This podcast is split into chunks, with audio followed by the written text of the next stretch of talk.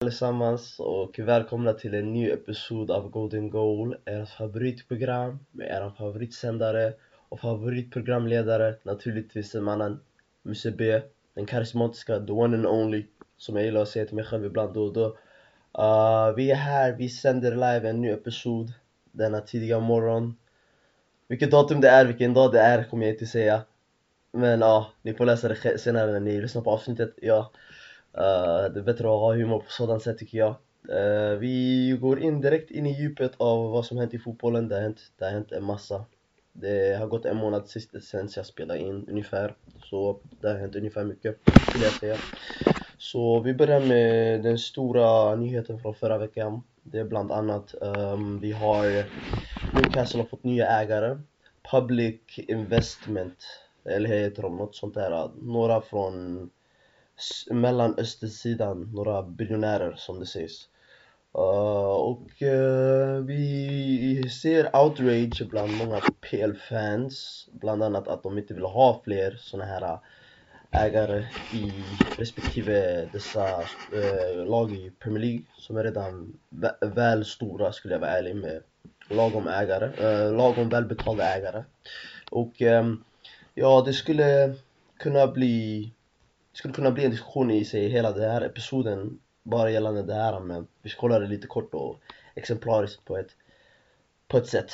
Ja, och um, vi ska kanske förklara fördelarna. Fördelarna med det är att uh, Newcastle nu möjligtvis med nya ägare nu kan investera i deras trupp för varje år så blir det lite krångel med om det är Benitez som var deras tränare innan med Mike Ashley som var deras före detta ägare som nu sålt klubben innan helgen, innan helgens gång. Och ehm, eller eh, Steve Bruce nu som vill ha förstärkningar men jag tror inte personligen han har ah, Benites eh, auktoritära personlighet så uh, han får max en värvning. Den senaste stora värvningen han fick Steve Bruce antagligen var Joel Linton för två år sedan. Och det där har inte visat sig vara bra alls om man ska vara helt ärlig. Från för 40 miljoner för Joel Linton. Oj oj oj. Det där var inte bra, det var ingen bra värvning ärligt talat. Och um, ja, vi skulle kunna säga uh, att det finns få ljusglimtar i Newcastle som Saint Maximin i mina ögon uh, Fabian Schär, jag tycker han är bra, jag tycker Dubravka målvakten är bra. Jag tycker uh, Almiron är bra. Uh, Shelby om han kunde bara koncentrera sig men tyvärr han är den spelare han är och jag tror inte förmodligen han kommer ändra på något sätt. Förändras på något sätt, inte develop heller, inte utvecklas mer heller. Så uh, jag skulle säga jag värderar Shelby annars. Um, Ja, typ ungefär det de typ, Matt Ritchie, uh, Dwight Gale sådana här spelare kan de göra sig utan Newcastle. Nedflyttningshotad spelare som maximalt är för bra för Championship helt ärligt men inte tillräckligt bra för Premier League så det blir en krångel däremellan. Och den här äh, nya investment, uh, investments från Mellanöstern och dem hur det har pågått ett tag att de skulle värva det här laget från Mike Ashley men det blev lite svårigheter innan med eh, exakt eh, vad det var, jag vet jag inte, kanske advokater och liknande det är bara liksom är bakom dolda scener. Och eh, under den juridiska eh, genomgången från advokaterna nu har de kommit överens, de har ett bud och de har köpt en Mike Ashley, nu letar efter att värva någon annan klubb vid krisläge, kanske Sunderland eller Derby County i Championship som håller på att bli bankrupta och ehm, ja i alla fall de har fått igång den där värvningen nu, de har fått igång det där köpet nu. Definitivt. Och Newcastle under en femårsperiod, folk tror verkligen att nästa år de kommer värva Mbappé, Martial och etc etc, inte Mbappé kanske men Martial, Coutinho jag kan se de här eh, värvningarna komma men det måste dröja lite för att de här vill spela utom, utanför eh, sin inhemska liga. För om de spelar utanför sin inhemska liga och gör poäng i respektive eh, Champions League och sen blir kallade till nationallaget så blir det ökade intäkter för deras fickor som man ser. Och det är inte alltid så att um, de skulle behöva vilja spela i ett mittenlag tills vidare. Nu de går från exempelvis ingenmansland position 15, 16, 14, 13 till 10, 10 på ett år och sen efter det där så kan de bygga vidare till kanske sexa, sen förmodligen kanske trea, sen någon gång eventuellt kommer de erövra Premier League, lite City gjorde. Men det kommer dröja definitivt, det ser jag definitivt hända. Och um, ja, de måste få bort mycket Deadwood ärligt talat från klubben först innan de kan gå och göra något progressivt och fullfölja sin lovande inledning på en ny era, som man säger. Slash. Ja, ja, det där var lite kort från Newcastles nya ägare. Uh, jag vet att folk vill höra min åsikt kring det där. Min personliga åsikt jag tycker ingen av de här biljonärerna borde helt ärligt äga någon respektive klubb för det tar bort från medelklassen och det skapar en imbalans på eh, alla som jobbar medeljobb, restauranger och, och liknande och konstruktion och det skapar bara en imbalans i samhället generellt. Uh, vi går över till Nations League ett segment nummer två. Eh, Nations League hade, hade en semifinal, två semifinaler och en final i helgen. Ehm, och eh, vi, vi kan berätta bara kort att jag tyckte verkligen om Spanien, eh, Italien, även om jag missade cirka en halvtimme tror jag, eller vad var det? Halvtimme, 20 minuter. Men i alla fall, jag kom igång matchen. Om du ser vad Luis Enrique är, jag, jag är så beundervärd av Luis Enrique. Jag älskar att han ses, tiden han var i Roma. Och även då kanske han milt misslyckades med Roma, helt ärligt med kanske resultaten. Fotbollen de spelade där var outstanding. Och eh, han fick, eh, fick eh, kliva upp, han fick gå ner i eh, pyramiden ytterligare en gång för att hitta ett steg upp. För han hamnade i Celta Vigos mannar med John Guidetti då när han spelade där, eh, Santimina, Aspas, Eh, uh, vilka fler fanns det också? Det fanns fler spelare som jag vet om faktiskt. Eh, Hugo Mayo, jag tror, uh, högerbacken. Och uh, det fanns, vem, vem fanns det? Det var riktigt bra spelare i alla fall, de spelade bländad fotboll. De hotade om Europa League-platser och liknande. Jag vet att jag ska prata om Spanien och det här men jag pratar om vem som är deras nuvarande tränare som förvandlar varje lag han går till. Även om inte alltid det leder till bra resultat. Så vi, vi hamnar i skedet av han, han, han kliver upp igen från Celta Vigo när han övermotsvarar förväntningarna och han får chans i eh, Barcelona när han är katalonsk grundligen. Han har inte med sig någon vet du, Real Madrid spelar ungefär i sin trupp i spanska laget just nu. Jag tycker det är helt otroligt. Och um, uh, som sagt, eh, de totalt spelade ut eh, Italien. Nej, de, han var i Barcelona, Barcelona, han var bara i Barcelona, just det, förlåt mig. Jag kan hoppa från sak, sak, sak, sak sådär, men man tänker för mycket när det spelas videon på. Och eh, de spelade bra, Barcelona, de vann en trippel första året han var där. Sen han fick det lite mer tid. Sen den här korrupta Bortomeo-snubben var där, la la la la, det hände någonting, Trigger Mega. Leo Messi, bla bla bla bla. Och han, politiska inbördeskrig och han blev eh, nedsatt från sin roll som tränare där. Han hamnade internationellt. Han gick lite personligt under av eh, vissa personliga saker som hände honom. Och jag kan förstå han, det var heartbreaking. Jag, jag kan föreställa mig situationen, det var väldigt heartbreaking. Han tog en paus från fotbollen, han kom tillbaka.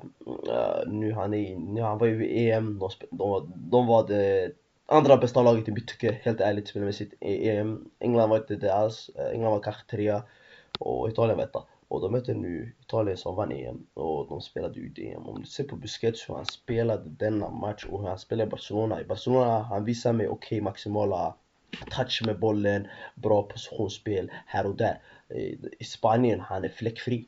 Han gör inga fel. Han, han bemöts. Han, om man möter någon Kesa eller Mbappé och de kommer med fart och de kan bara peta den typ slalom för de här är kapabla att dribbla och sen springa.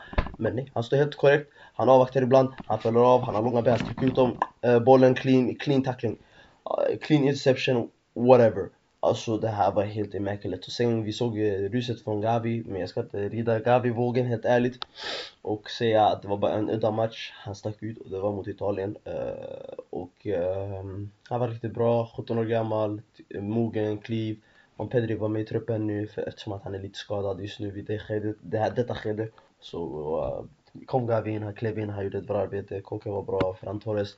Ferran Torres, jag älskar Ferran Torres. Uh, jag var inte övertygad av han när han lämnade Valencia. För precis innan han hade lämnat Valencia, han hade en svajig säsong och jag var inte riktigt övertygad. Ja, men nu han har omvandlats till en skön CF, en riktigt, riktigt bra CF. Riktigt potent, riktigt klinisk, bra avslutare. Och har bra teknik, har bra fart. Varje gång han har boll föran Torres känner jag att han är ett hot. Han kan möta, han är som en spansk Chiesa eller en Chiesa är som en italiensk föran Torres. För det finns likheter i dem, men självklart värderar jag Federico Chiesa aningen, aningen högre idag. Men en ljus framtidspost för Ferran Torres. Sen, vi ska inte glömma att de saknar alltså Fati, Dani Olmo, Morata. Uh, de hade Orizabal där, Orizabal också, jag kommer gå in på honom lite snart med ett annat segment väldigt strax. Um, de spelade ut Italien totalt. Italien också, de hade heder och moral. De tappade ju bort Bonucci i 38, 38 minuter. Och de spelade upp sig också. Uh, det slutade 2-1. Sen vi har den andra matchen, vi har Didier Deschamps mot Roberto Martinez. Två tränare jag är inte övertygad av alls. Deschamps, jag är inte övertygad alls, helt ärligt. Han har den bästa truppen i hela världen. Av alla nationallag. Och ofta, du vet, jag måste påpeka det här också, som inte jag säger tydligt. Ofta fotbollstränare som inte tar det där klivet upp i det här extra, extra steget upp i klubblagen. Ofta så hittar de möjlighet hos landslagen för att de inte, för att man, klubblagen inte anser dem tillräckligt eh, kompetenta nog. Så det är en downgrade i fotbollen att gå från klubblag till nationallag, men inte många ser det. Men, ja, så det här gäller Erika också, även om jag älskar Erika och jag gillar Mancini. Jag gillar Mancini betydligt mer än vad jag gillar Deschamps eller eh, Roberto Martinez. Uh, de var också med på en bra match, uh, men Belgien, Belgiens eh, guldgeneration klarade inte av att vinna en trofé och det där är jättetrist. Även om de har Doku on the rise, de har, uh, vilka fler har de? De har ju några unga spelare har jag för mig. Förutom Doku så har de övriga, några övriga unga spelare på väg upp on the rise men så här många i pluralet som de har haft nu de här cirka sju åren så kommer det antagligen en dröja då de kommer få en guldklimp på kanske en offensiv plan halva sen de kommer få medelmåttiga försvarare. Sen nu de har haft bra, ganska bra till klassförsvarare under dessa sju år. Även när kompani var på väg neråt i decline i sin karriär och var redo att lägga skorna i hyllan. Så det är bara mycket som har missats från Belgiens sida med belgiska fotbollsförbundet ärligt talat med eh, anställningar av Mark Overmars som har varit eh, medioker efter han har lämnat dem vid Middlesbrough vid eh, Middlesbrough hade jag sist koll på och sen Roberto Martinez som har tränat Wigan och, Wigan och Everton. Det är riktigt egentligen det som gör en tränare till wow för att han spelar i, han tränar i lag som inte har många massiva egon, massiva, massiva world stars och inte vet hur man ska bemöta dem, handla dem, motivera dem, träna dem. Så uh, jag anser inte riktigt Roberto Martinez så kompetent nog för landslaget och uh, jag tror VM 2022 är kanske hans sista chans. Men vi får gå in i matchen i alla fall. Uh, matchen var bra spelad, Belgien var bättre än de första halvlek. Witzel och Tillemans, de spelade ut Pogba och Rabiot totalt ut ur matchen. Och Uh, försvararna, trebackslinjen, vilka var det? Det var Denayer, Aldevereld och Vertongen. De hade, de, hade, de hade en easy, väldigt enkel första halvlek. De inte behövde utföra mycket, de behövde inte göra mycket. Uh, och Mbappé och Benzema och liknande, Benzema kommer jag gå in på lite senare också. Uh, de hade inte mycket att göra uh, som var hotfullt mot dem i första halvleksskedet och de tog en 2-0 ledning, komfortabel 2-0 ledning. De, var, de, de, de, tog en klar 2-0 ledning, tydlig. Eh, de förtjänade den tycker jag. Och eh, andra halvlek så bara rasade Farm. Uh, de, gjorde, de gjorde inget byte, de ändrade ingenting. Belgien låg fortfarande kvar på planhalvan. Jag kan förstå om det var rimligt, de ledde en 2-0 match. Men de glömde att de mötte Frankrike. Och eh, Mbappé bara rusade. Mbappé var bra första halvlek också. Förlåt, rätta mig fel. Mbappé var, Mbappé var bra första halvlek. Men han skapade inte riktigt den där kaosen. Den där riktiga uh, oredan i uh, straff, motståndar straffområde. Han var bra första halvlek. Men andra halvlek så blåste det fram bara. Då, då han producerade poäng. Han passerade, han passade till Benzema, Benzema helt kylig, pangar den in med vänstern med tre försvarare typ tätt på han, en bakom han, en sidan, en framför.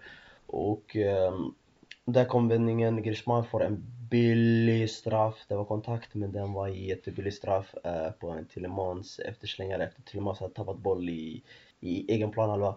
Och eh, sen den fullständiga vändningen kom efter att Lukaku först hade gjort 3-2 när han var typ en, ett, en knä, en fot offside. Jag, jag respekterar offside-reglerna, om det är offside, offside. Ah, han var offside antar jag, en meter.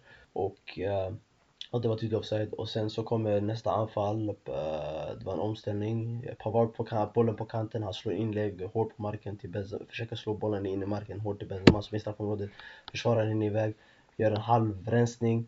bollen hamnar hos Theo Hernandez som spelade vänster, vänster wingback. Och han pangar den bara. Och det var typ 90, 90 minuten exakt, 90 minuten.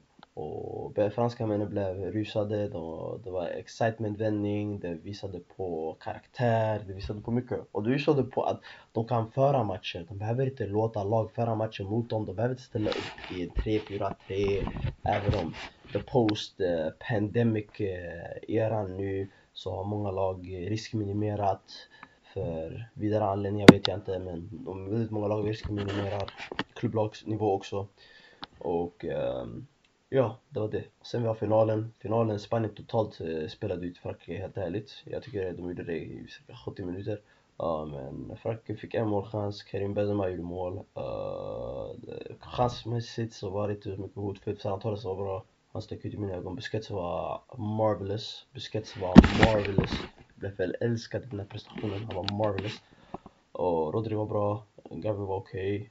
Okay. Garcia var lite skakig men slutskedet som kostade dem det var att um, ehm, uh, eh, vad heter de? Eh, Frankrike fick ett offside-mål dömt som mål där Eric Garcia eh, uh, är uh, sista, Eric Garcia är näst sista mannen och Mbappé är typ en halv centimeter eller meter ungefär före honom och Eric Garcia rör bollen men Mbappé rundar Unai Simon och Unai Simon gör 2-1 Nej, nej, nej han rundar Unai Simon och uh, Mbappé gör 2-1 och det där var en diskussion för sig. Jag ville ha bortdömt offside för jag ska vara lite bitter. Jag hejade personligen på um, för Spanien, lite lätt. Och men ta bort, ta bort min, mitt, inte mitt eh, valda läge när jag valde en, ett lag av dem. Och uh, jag tycker bara det här målet borde bli bortdömt men man favoriserade dem totalt. Jag förstår läget, jag accepterar läget. Och Frans va, Men det var lite, det var lite bittert slut då det är någonting domarna borde jobba hårt med. Vi har ett eh, re reoccurring problem med offsiden. Ja, det var det från Nations League och, och jag gillar Nations League verkligen när det blir så här eh, när Spanien och Italien och liknande lag som spelar positivt är vid slutspelet. Och vi har nästa segment, det är eh, Sky Sports ranking på Best Players in Form. Best players in form topp 5 vi säger bara, för det finns topp 10. Det är Karim Benzema, eh, Erling Braut Haaland, Julian Mbappé, Edin Dzeko och sen honorable mention till eh, Miguel Oyarzabal som gjorde mål i, också i finalen tidigare nämnd. Um, ja, min personliga åsikt, above everything else, Karim Benzema är världens bästa fotbollsspelare just nu. Han har varit det i en månad. Nej, han har varit det i kanske två månader ungefär. Och jag har alltid haft en svag känsla, känsla för Benzema. Och Benzema är en toppklassanfallare. Han har varit det genom åren i Real Madrid och övrigt och han har varit där i 12 år. Nej inte, ja jo 12 år ungefär. Om man är i Real Madrid i 12 år, världens största fotbollsklubb. Då, uh, och du blir förlängd flera gånger även när vissa perioder, periodvis, uh, eh, tränar, nej inte tränare, uh, vad heter de? Fans vill få bort dig och liknande. Nej, men om presidenten älskar dig och tränarna har inga problem med dig och du är professionell och du tar hand i blåsväder, likt Benzema inte gör, så blir det inte så mycket svårigheter ärligt talat. Och Benzema äntligen får ljusglimtan i ljuset han äntligen förtjänar i mina ögon. Ah, förstod personligen, ja, ah, jag behövde tvungen att ta en andning där. Uh, enligt mig, han ska fan, inte fan, nej jag tar tillbaka det jag jag ska inte säga sådana här ord. Uh, han ska få sin beröm, helt ärligt. Och nu han får det egentligen. Och nummer två är i mitt tycke Mosala. Mosala, men Mosala. Mosala och Benzema. Mm, en, en han, utan han Real Madrid eh, funktionerar inte. En med han, han gör Liverpool bättre. Så det är annorlunda scenarion. Jag tror Liverpool fortfarande funktionerar. Men han är deras målspruta. Hans mål mot City bara häromveckan. Marvelous, marvelous, uh, marvelous, marvelous individuellt mål. Och han, han producerar poäng bara. Det som är riktigt bra med Mo Salah. Det som fan sticker ut. Uh, vem var nummer tre i listan? Uh, ursäkta. Han var Erling Brad Haaland. Han har varit muskelskadad i en månad. Men innan det spruta in poäng i Dortmund, vare sig Champions. Ja, i Champions fortsätter göra poäng även om han inte var med i den andra ronden, första ronden. Och eh, i Bundesliga, Lewandowski har mer mål än vad han har men jag tror han har bättre dagsform. Och eh, per minut gör mer mål per minut. Vi har fyra Gilan Mbappé. Ligue Ö, Ligue Ö, kanske sista, eh, möjligtvis mycket sannolikt att det är det sista året i Ligue Ö detta år. Och eh, han producerar fett många assist hittills och han ledde skytteligan. Han ledde skytteligan och assistligan har jag för mig. Riktigt imponerande. Och nummer fem var Edin Dzeko. Edin Dzeko värvad från Roma tydligen till inte detta år som ersättare för Lukaku. Har ersatt han galant. Det är bara att de har kryssat en, två matcher i onödan. En borta mot Sampdoria, en hemma mot, vilka var det? Var det Verona? Det var Atalanta kanske, Atalanta kanske mycket sannolikt. Jag tror det var Atalanta. Atalanta kryss hemma. Uh, bortsett från det, Edin Dzeko mål mot Genoa. Uh, vilka fler var det? Genoa, inte heller Verona. Genoa. Han gjorde mål mot, han mål mot två, tre andra lag också om jag har fel, om jag har rätt. Och eh, spelar bra fotboll där sanningen. Edin är en underskattad anfallare, helt ärligt. Bra, bra komplett anfallstyp. Stor, atletisk, agil.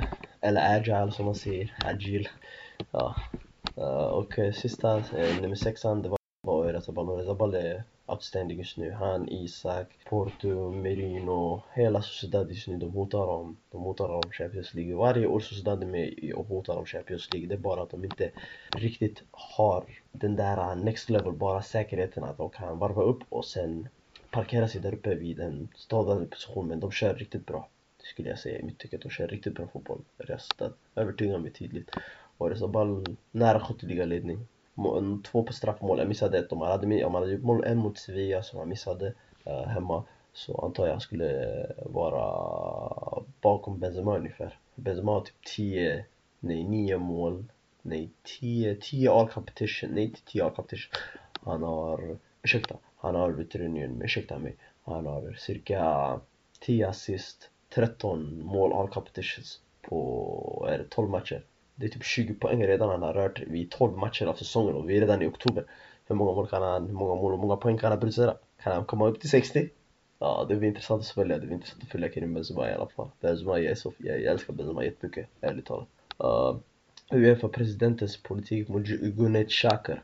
Det är så att eh, Jonas Eriksson, det är ett nytt segment här. Jonas Eriksson, en domare, uh, i, en domare i svensk eh, elitnivå och internationell nivå uh, har i sin, i sin nya post, innan releasen av hans bok så hade han gästat Olof Lunds podd uh, Lund. Det finns i Spotify också om ni vill gå och lyssna på den, Spotify, jag tror uh, exklusivt. Och Uh, de pratade mycket och de kom till, du vet, uh, hur ska man säga, inte du vet men ungefär områden av uh, interna grejer som inte många människor pratar om i en stängd värld som de säger eh, i fotbollen. Eh, uh, Jonas Eriksson låter väldigt ärlig och pålitlig när han säger att Uefa-presidenten gav den, i det här fallet är Gunit Xhaka två uppdrag och det var uh, två matcher, uh, två gruppspelsmatcher i EM. Ungern, Portugal och Ukraina, Österrike. Och innan och sedan efter så fick han en extra också, det var Kroatien, Spanien. Och det var typ den mest målrika matchen i hela turneringen. Och uh, han fick inte finalen, varken semifinal eller final när han är rankad högt bland Uefa-domare och enligt, eh, och enligt, eh, enligt Jonas Eriksson kan det bero på att han dömde en straff emot eh, Slovenien som Alexander Seferovin som är Uefa, Uefas eh, president är ifrån. Han dömde en straff emot dem när egentligen de borde kanske ha fått en straff med dem vid det match, matchskedet. Konspirationsteorier, uh, det, det finns politisk agenda eller liknande. Han säger att uh, det, är så man, det är sånt man gör ibland när man är lite bitter gentemot sin nationalitet och man är nationalist och man stödjer sånt där och man borde egentligen förstå in i faktiskt djupet att det inte har någon innebörd. Men det där är min åsikt. Uh, man kan vara lite stolt om det men det är bara att acceptera läget. Och Slovenien blev utslagna, de kom inte in till, var det, jag tror det var EM 2016. Om jag har rätt. Um, jag kan inte säga jag tror, för jag måste ha lite bättre eh, källa. Kanske, möjligtvis det var 2016 EM tror jag. Eller 2018 VM.